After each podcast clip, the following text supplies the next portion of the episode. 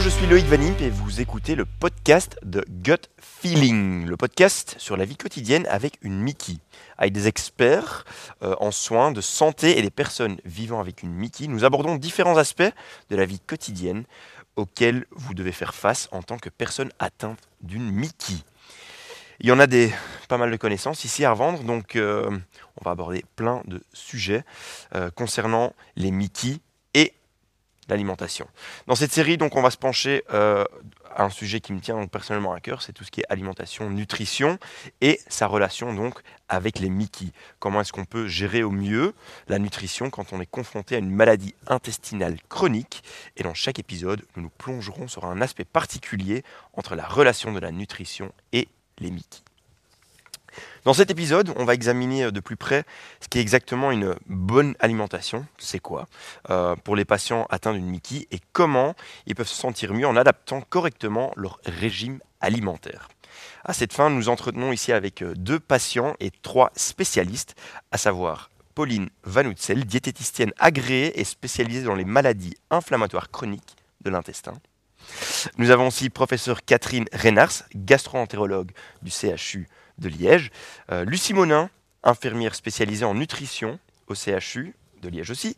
Et nos experts euh, vécus, Kathleen et Xavier. Euh, et nous, nous expliqueront les obstacles qu'ils ont rencontrés. Excusez-moi. Et on a aussi les deux experts, Kathleen et Xavier, qui nous expliqueront les obstacles qu'ils ont rencontrés pour arriver à un régime correct. Donc la question qu'on se pose aujourd'hui, quel est le bon régime alimentaire et de quoi est-il composé?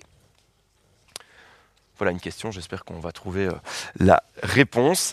Euh, du coup, Pauline euh, Van Utzel, vous êtes diététicienne. Tout à fait. Voilà.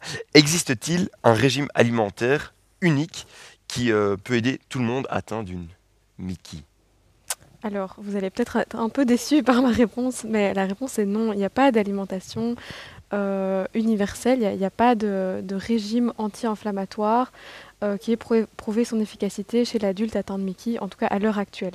Peut-être que dans 10, 15, 20 ans, on pourra euh, changer ce discours, mais pour l'instant, en tout cas, ce n'est pas le cas. Donc, il n'y a pas d'alimentation qui va euh, permettre de guérir un patient atteint d'une maladie inflammatoire chronique de l'intestin.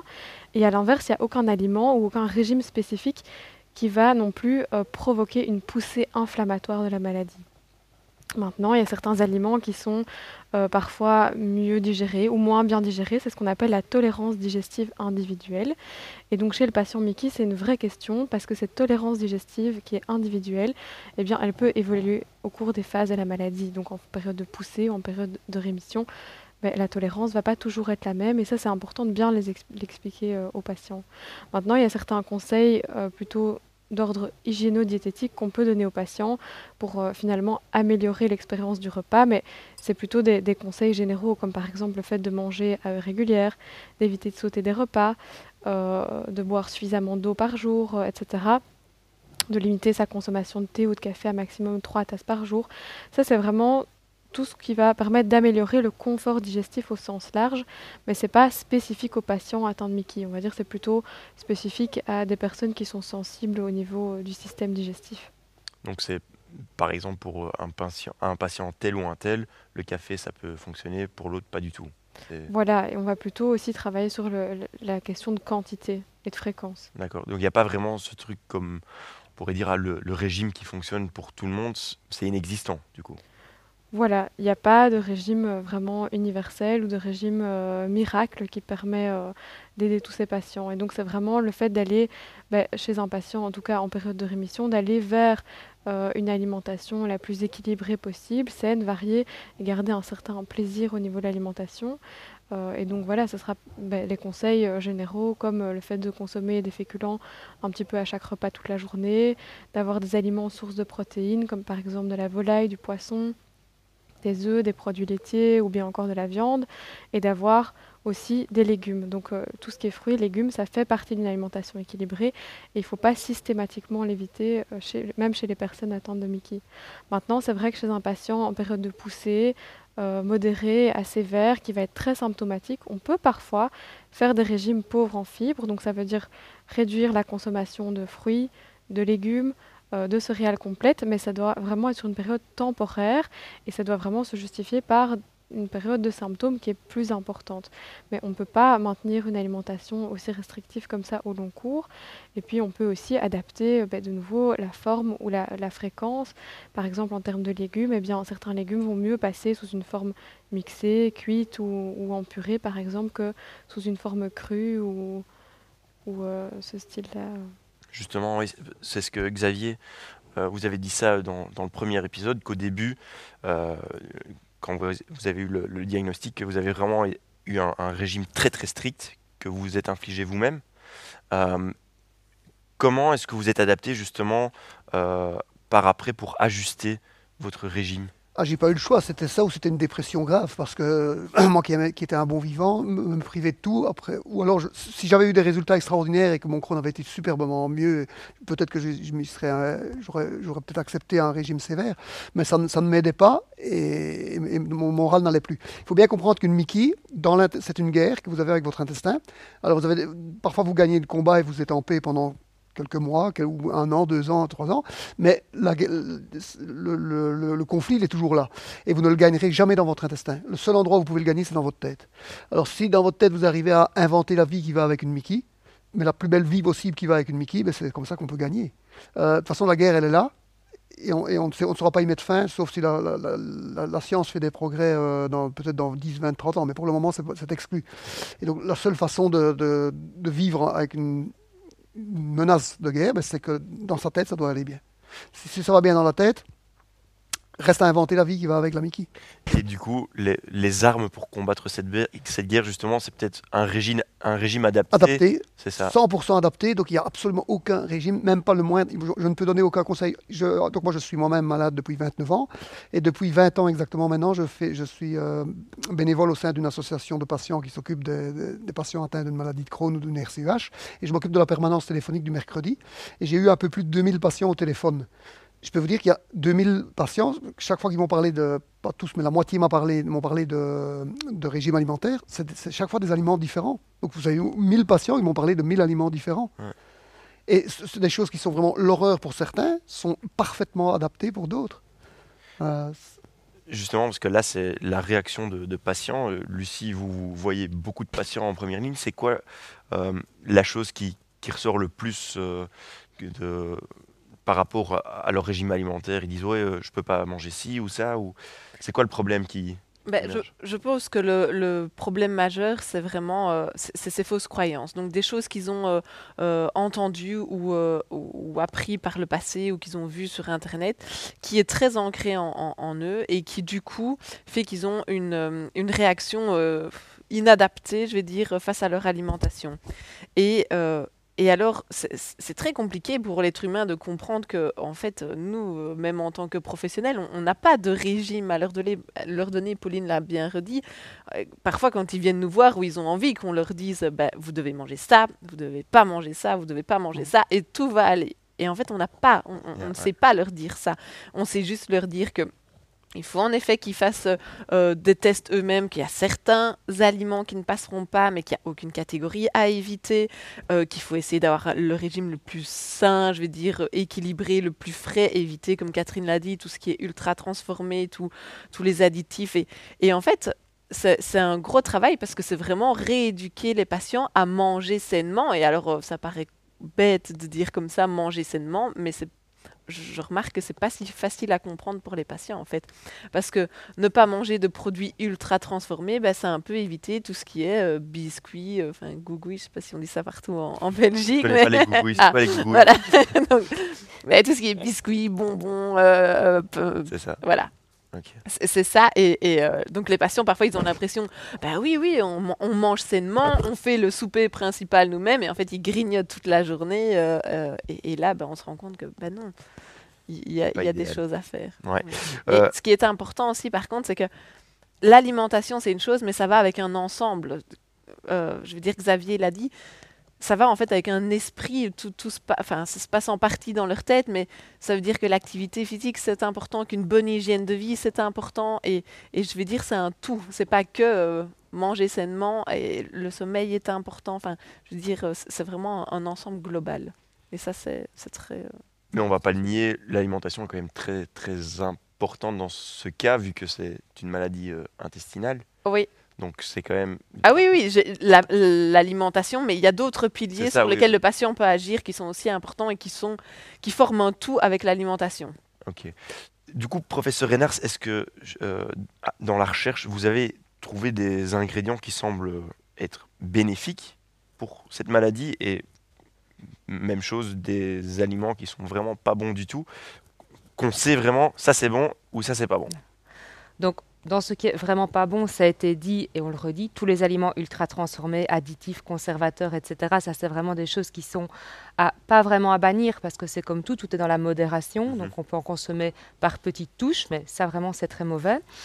Euh, quelque chose, le seul aliment, il faut, je pense qu'il faut quand même le dire, qui est interdit avec une maladie de Crohn et avec un rétrécissement, ce sont les légumes extrêmement fibreux, à savoir les champignons et les asperges, parce que c'est mécanique, ça va venir s'impacter dans le rétrécissement et ils vont faire des occlusions. Donc il faut dire aux patients, il y a un aliment ou deux qui sont formellement interdits, mais à nouveau, il ne faut pas généraliser, c'est dans une situation très particulière. Une rectocolite peut manger des champignons, un Crohn qui n'a pas de rétrécissement peut manger un champignon. Après, il n'y a pas un aliment miracle, mais euh, il y a quand même des études qui ont démontré qu'un régime plutôt de type méditerranéen, avec une consommation de fibres, des graisses végétales, euh, des aliments frais, euh, potentiellement un petit verre de vin à l'occasion, était un régime qui euh, avait quand même potentiellement montré des, des bienfaits sur le maintien de la rémission. Donc ça, ça a quand même été démontré. D'accord. Pour revenir là-dessus, euh, Kathleen, est-ce que vous avez été diagnostiquée à 13 ans? Mhm. Euh, donc euh, adolescence, euh, moi comme ado j'aimais manger euh, mes crasses comme on dit. Est-ce que ça a eu un impact chez vous de, choisir justement les aliments que vous pouvez manger dans votre régime? Alors je pense que tous les parents euh, aimeraient que les enfants ne mangent pas de crasse, hein, les ados encore plus. Les miens avaient le bon ton de pouvoir dire mais enfin tu as une maladie de Crohn, ne mange pas ça. Je pense que j'ai grandi un peu comme tous les ados, sauf que ben, forcément si je mangeais, euh, on parlait des frites tantôt, euh, frites hamburger, ben, je savais que mes copains le lendemain euh, allaient très bien le vivre, moi un peu moins. Bon, je l'ai fait, je vais pas, je vais pas mentir. C'est difficile quand on est ado de faire attention à la nourriture parce que on mange globalement ce que les parents préparent le soir, le midi dans la, la boîte à tartines, etc. Par contre, c'est vrai qu'une fois qu'on est le week-end avec les copains, ben, on aime bien se faire plaisir. C'est le moment un peu liberté où on va aller manger justement plus de fast-food, plus de produits ultra transformés, enfin vraiment ce qu'il faut pas quoi. Et euh, c'est difficile de dire aux autres, euh, ben non, euh, moi je vais faire attention, surtout quand on n'a pas tellement envie soi-même de faire attention, on va pas se mentir. Et du coup ça c'est ne pas faire attention et faire un peu la fête gustativement on va dire. Est-ce que tu t'es aussi privatisé de certains aliments à un moment? Alors, privé, non. Il y a juste. Voilà, je sais que par exemple, euh, euh, il y a eu un moment où je mangeais énormément de produits sans lactose euh, parce que j'avais remarqué que j'avais le ventre un peu plus ballonné, que j'avais un peu plus de symptômes.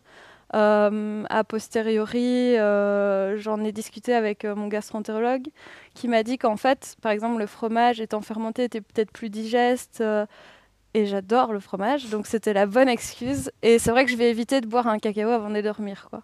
Je sais que le lait en tant que tel, je vais pas le, j'en consomme très très rarement. C'est vraiment, euh, c'est vraiment l'aliment que je consomme très peu. Mais à côté de ça, je vais compenser par des yaourts, par, de- par du fromage, euh, et ça me va très bien.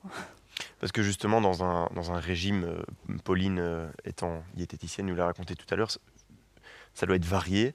Euh, Est-ce qu'il y a certains euh, patients, Pauline, qui, qui évitent peut-être certains aliments et qui doivent prendre des suppléments? Est-ce que ça fonctionne? Est-ce que c'est... euh, vous allez dire, euh, allez prendre des suppléments ou justement euh, pas faire ça? Quand vous parlez de suppléments, c'est plutôt Du j'imagine, B12 par exemple, des ou- vitamines, ça, etc. oui. Voilà, ben, donc oui, certains patients vont prendre des vitamines parce que c'est nécessaire pour certains patients. Donc en fait, quand on a une carence qui est vraiment avérée au niveau de la prise de sang ou bien qu'on peut détecter ben, via l'anamnèse alimentaire, donc vraiment l'interrogatoire qu'on peut faire en consultation, parce que toutes les carences ne se détectent pas forcément à la prise de sang. Ah. À ce moment-là, ben oui, on va corriger un déficit avec une supplémentation vitaminique, toujours aussi en concertation avec le médecin, euh, et on va suivre euh, la résolution de cette carence. Maintenant, un patient qui est en période de rémission, qui mange de tout, euh, qui a un régime alimentaire varié, équilibré, qui n'a pas spécialement de problèmes de malabsorption ou autre, n'a pas nécessairement besoin ou n'a pas nécessairement l'obligation de consommer des, vitamines euh, au quotidien. Donc ça, ça va vraiment être très individuel en fonction euh, de l'état de la maladie et finalement de, l'état nutritionnel au niveau biologique et aussi au niveau, euh, au niveau du régime alimentaire. C'est ça, parce que là, on est vraiment sur tout ce qui est supplément. Est-ce que, Lucie, par exemple, au CHU de Liège, est-ce que vous avez je sais pas, des brochures aux patients à donner où ils doivent s'informer, parce que sur Internet, on trouve plein de prenez tel supplément pour ça, ou euh, ça ira mieux avec des vitamines C, vitamine D, je ne sais, je ne sais tout quoi. Est-ce que vous, du CHU euh, de Liège, est-ce que vous avez une, plateforme, une bonne plateforme d'information pour aider les patients à savoir tout ça? Alors, on n'a pas de euh, donc on n'a pas d'outils spécifiques sur les suppléments ou les compléments alimentaires euh, parce que ça c'est quelque chose qu'ils doivent discuter avec leur médecin en fonction euh, des carences éventuelles et donc c'est vraiment propre à chaque patient. Par contre, on a toute une série d'outils, soit qu'on crée nous, soit qui existent déjà, qu'on peut donner aux patients pour s'informer correctement et savoir où aller chercher la bonne information sur justement l'alimentation et les Mickey. Euh, on organise aussi des, réunions, je vais dire, entre, euh, entre patients et professionnels de santé avec des, conférences pour expliquer aux patients justement euh, tout ce rôle important de l'alimentation. Et, donc c'est l'occasion de faire transmettre un message. parce que je présume qu'il y a pas mal d'infos et d'intox à, à, ce sujet. Xavier, vous, vous dites que au début, il n'y avait pas Internet, donc il n'y avait pas beaucoup de témoignages, probablement. Mais question euh, pour rester dans les, les suppléments, est-ce que vous, vous avez entendu des histoires, genre euh, euh, ouais, il faut prendre absolument du B12 parce que tu vas être en carence. Oui, tout à fait. Euh, on parle de produits B12 ou on parle de machines qui purifient l'eau, qui, iront mieux. On parle, oui, oui, sur 20 ans de, bénévolat au sein de l'association Crohn, j'ai vu beaucoup d'arnaques, soyons clairs. Des, purificateurs d'eau euh, qui, qui, sont prouvés scientifiquement pour améliorer le Crohn, de, toutes sortes de vitamines, ou alors des, régimes qui portent le nom, des régimes signalés, signalés, ou un truc ainsi, je ne sais plus exactement le nom, des régimes avec, tous des aliments crus, uniquement des aliments crus, et alors d'autres parfois des régimes où plus rien ne peut être cru, tout doit être cuit. Donc c'est vraiment un peu tout et n'importe quoi. Oui. Et alors ils ont toujours, ils ont toujours des, preuves comme quoi ça fonctionne. Hein. C'est triste. Ouais. Il aura passé un mauvais dimanche. En plus, il pleuvait, donc euh, comme souvent euh, en Belgique. Mais du coup, c'est pas toujours. Euh, du coup, il n'y a pas forcément un aliment qui va déclencher une poussée inflammatoire. Ce n'est pas le cas. Non, donc il y a des aliments qui peuvent clairement déclencher des symptômes. Chez un patient avec une maladie active, bah, beaucoup plus de choses vont être moins bien tolérées. En rémission, il y a des patients qui pourront manger presque tout, mais certains aliments resteront problématiques et ça, il faut, il faut le savoir. Mais le patient ne va jamais déclencher une poussée de sa maladie sur un aliment. Donc c'est comme pour reprendre l'exemple de Xavier avec la choucroute, si Xavier mange de la choucroute, il va être très très mal le dimanche, il va le payer cash, mais lundi, sa maladie ne sera pas pour autant devenue active parce qu'il a consommé un aliment qui ne lui convenait pas. Donc ça, c'est important de distinguer l'impact de l'aliment sur, d'une part, les symptômes versus l'activité de la maladie. Les aliments ne déclenchent pas des poussées de Crohn. Les patients peuvent se déculpabiliser. Ok, très clair. Euh, est-ce que quelqu'un a encore quelque chose à ajouter par rapport à, euh, au régime phare, on va dire, pour une maladie Mickey ou... Moi, je voudrais dire une chose. Si un aliment n'est pas sain au niveau biologique, donc si par exemple on va dans un pays euh, en voie de développement et que l'on boit, boit, de l'eau qui n'est pas potable, ou que l'on mange une viande avariée, etc., là, je crois que ça peut déclencher une, crise. En fait, ce qui se passe, c'est que si on, on, attrape une infection digestive médiée par un aliment, parce qu'on est dans certains pays, etc., une gastroentérite infectieuse peut déstabiliser une Mickey. Ok, d'accord. Donc ça, c'est possible, effectivement. Donc on peut être en rémission et puis via une infection euh, externe, c'est ça? Voilà. Ça peut déclencher à nouveau. On peut déstabiliser sa Mickey après une touriste. Mais c'est pas le régime en soi qui aurait pu déclencher le truc. Moi, je me regarde les, gens qui me téléphonent parce que s'ils veulent aller en Égypte ou s'ils veulent aller dans des pays magnifiques au niveau tourisme, attention à ce que vous allez manger. Parce que là, il y a un risque. Bah, c'est bien pour euh, conclure euh, cet épisode du podcast. Donc euh, attention à ce qu'on mange. Il n'y a pas vraiment de régime phare. C'est plutôt une alimentation saine, variée, un petit peu méditerranéenne. J'ai entendu aussi. donc voilà, il n'y a pas vraiment de, de réponse à 100%. tout avec modération, évidemment tout le monde est en train de dire oui. Donc ça, c'est pas mal. ben voilà, donc euh, pour euh, conclure tout ça, il faut donc bien souligner l'importance de l'alimentation et des compléments euh, alimentaires et les vitamines. Évidemment, toujours avec un petit peu d'aide médicale. Il ne faut pas commencer à prendre ces médicaments euh, tout seul parce qu'il y a un article sur internet assez intéressant et euh, voilà un, euh, bon régime varié comme, comme il se doit. Merci d'avoir écouté et éventuellement regardé le podcast de Gut Feeling. On se retrouve très très rapidement pour parler encore plus différemment du Mickey et la relation avec la nutrition. Au revoir, bye bye.